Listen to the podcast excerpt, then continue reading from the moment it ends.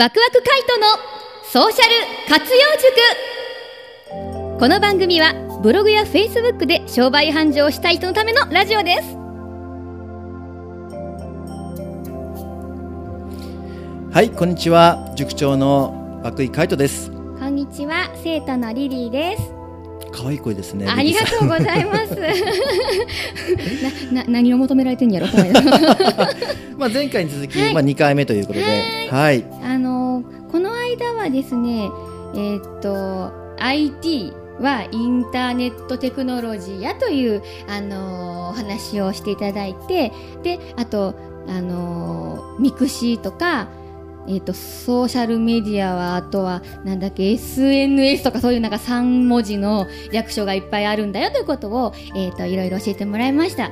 でそれについて詳しく今日はお話をお聞きしたいです。塾長よろしくお願いします。はい、よろしくお願いします。はい。まあね、今ね、たまたまその SNS とはい。言っていましたけど、はい これあのソーシャルネットワークサービスの略。ソーシャルネットワークサービスで SNS、はい。うんまあ略して SNS とよく言ってますよね。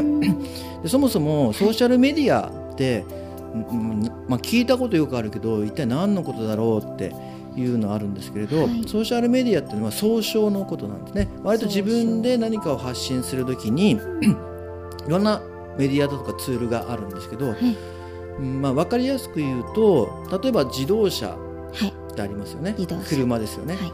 その中に、えートヨタとか日産とかホンダってこれメーカーがありますよね。でその中にトヨタにはプリウスがあったりだとか、そういったような各、えー車種がありますよね。はい。で自動車っていうのは総称ですよね。うんソーシャルメディアっていうのも一つの総称です。うんなるほど。でこのソーシャルメディアの中にブログがあったりだとかそれからツイッターっていうものがあったりだとかう。ん。フェイスブックがあったりだとかうん。それから YouTube 動画ですよね。あーあ YouTube とかもソーシャルメディアの中なんに入って中に入ってるんですよ。で昔はホームページっていうのははい。お金をかけないと、はい。まあ、素人ではできなかったんですけど最近はもう自分で無料でできるようになってきたので、うん。まあ、これもホームページもソーシャルメディアの中に仲間入りしてもいいんじゃないかっていう人もいますし私なんかはそういうふうにはしてますあね。ソーシャルメディアは無料で発信できるっていう、そうです。無料っていうより自分がうん。あの例えばこのラジオで出るのも自分が出たくて出れるわけじゃなくて、はいやっぱりねオファーがあったりテレビもそうですね番組も。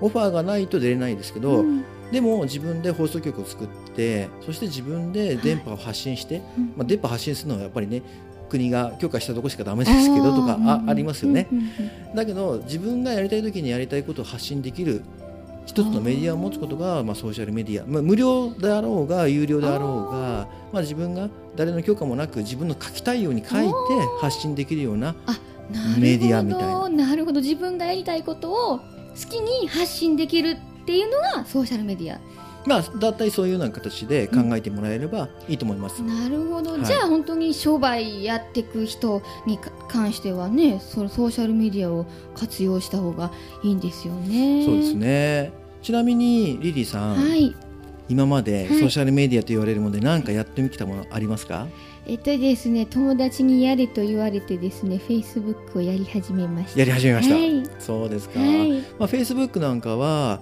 えー日本に来たのは割と最近なんですけどこれ実はね、はい。アメリカではツイッタはい。ーツイッター社っていうのがね、はい。それからフェイスブックもフェイスブック社があって同じぐらいにできたんですよ。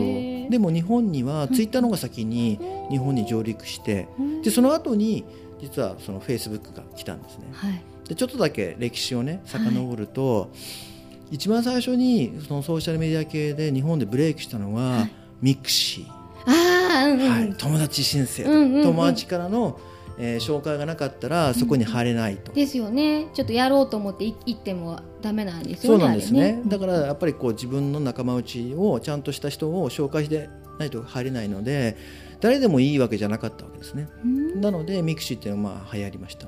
でその時にブログついですね、ブログ前からもうあったんですけれど。あブログよりミクシーの方が前なんですか？ああのね同じぐらいだったんだけどブームですよ。あブームが？なるほど。ブームとして上がってきたのが、えー、とミクシーへえでそれからブロあブーグムの順番で。そうなんですね。でブログは前からずっと昔からあったんですよね、あ確かにそうですよね。そうでん例えばヤフーブログだとあかそうですね。ライブドアブログだとかいろいろあったんです。でミクシーが実はね商用禁止だったんです。ミクシーの中で商売しちゃダメよって。あてか宣伝もダメなんですか？ミクシーは。あのビジネス上のね。あ今は違うんですけど。今は違うんだ。へえでそれがあって、でどうしてもね普通に友人同士でやっていく分には良かったんですけど、うん。仕事でやっぱり使いたいとかね。ああありますよねね友人にこんないいものをね紹介して、うん。でそれが仕事にお金になったらいいよねみたいになったんだけどそれはダメですよっていうルールだったわけですよ。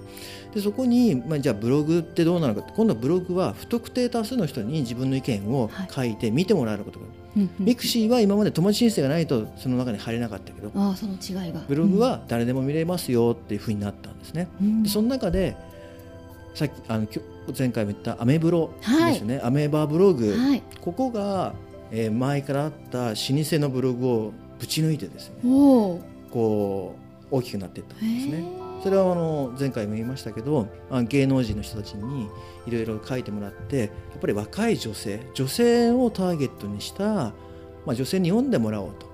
ということで芸能人とかのえ日々ね何やってるかとか、うんうん。そういったものを読みたいじゃないですか。気になります。ね、ゴシップ系なんかもそうかもしれませんしね。でそれがあってミクシーがトーンと来てその後にうん。ツイッターが来たんですね。ああでこれツイッターはですねなんかビジネスになんかミニブログでみたいな、は140文字しか書けないんです1回に。140文字っていうとどのぐらい？制限があるんですね。でそれがあって、まあ、ミニブログって言われてるんですけどはい。ああそうなんだ。で今までブログとかいろいろこう画面周りにいろいろデザイン施したりだとかいろんなことができたんですけどいやそんなんじゃなくてもう短いコメントでどんどんやろうと。でこれ例えば当時はですねブッシュ大統領じゃなかった。オバマ大統領、はい。ごめんなさい。オバマ大統領がこのツイッターを使いこなして、へええー大統領になれたとか。えそうなんですか？いやいろんな、ね、噂があまさかまあそれも使ってたんですけどね。あってで例えばそのデルコンピューターっていうコンピューター会社がそれでそのツイッターを使ってあの売り上げを回復したとか。いいろんな噂が来たんですよ、ね。へえなんかビジネスに使えるじゃんみたいな形ツイッターをツイッターをね。で日本で来て。でやってるんだけどどうもうーんなかなかうまくいかないなみたいな。ー。ビジネスでちょっと使うっていうよりはいろんな今だと例えば東日本大震災の時に、はいはい携帯電話が全然繋がらなかったけれど、はい。ツイッターだったら全然繋がったとかね、ああなるほどね。まあ、あれはもうもうちょっと言うとねうん。ツイッターだから繋がったんじゃなくてインターネットの通信が繋がってたのでなるほど。その中のサービスのツイッターが、まあ、よく、まあ、クローズアップされたっていうことなんですけどまあ、そんなこともあったんですよ、うん。でその後にいやいやいやと、やっと真打ちが来たみたいなのでフェイスブックがビジネスでバリバリ聞くぜみたいな感じで日本に上陸をしてきて。で今ねリリーさんもはい。フェイスブックやっていると、ああなんやでもいろいろあったんですね。そうなんで歴史がね結構いろいろあるんですよ、なるほど。まあ、だからその歴史の中をちょっとし紐解いてみると、うんうん。あ自分に、えーあこういう歴史の中で今でもブログやってますよ、うんうん。今フェイスブックやってなきゃダメだみたいなうんうん。形ではなく、うんうん自分に合うビジネスに合うものは何かっていうようなことを考えながらやるなるほど。と自分に合わせたソーシャルネットワークサービスがあるということあえっ、とえっ、となんだっけ、えーソーシャルメディアがいろいろあるからそれを自分に合ったものを探そうよみたいな。そうですそうです。なるほど。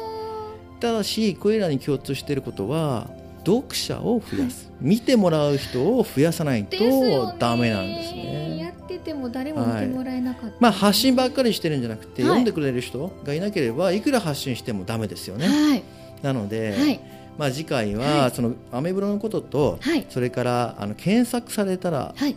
検索されるってどんな仕組みなのかっていうのをちょこっと。なるほど。読んでもらうための次回は。そうですね。Google の謎なんかをちょっと。Google の謎。えーはい。面白そうです。次回も楽しみにしてます。はい。はい。それではですね、えーそろそろお別れのお時間でございます。それではですね、お相手はワクワクカイトとリリーでお送りいたしました。では次回もお楽しみに。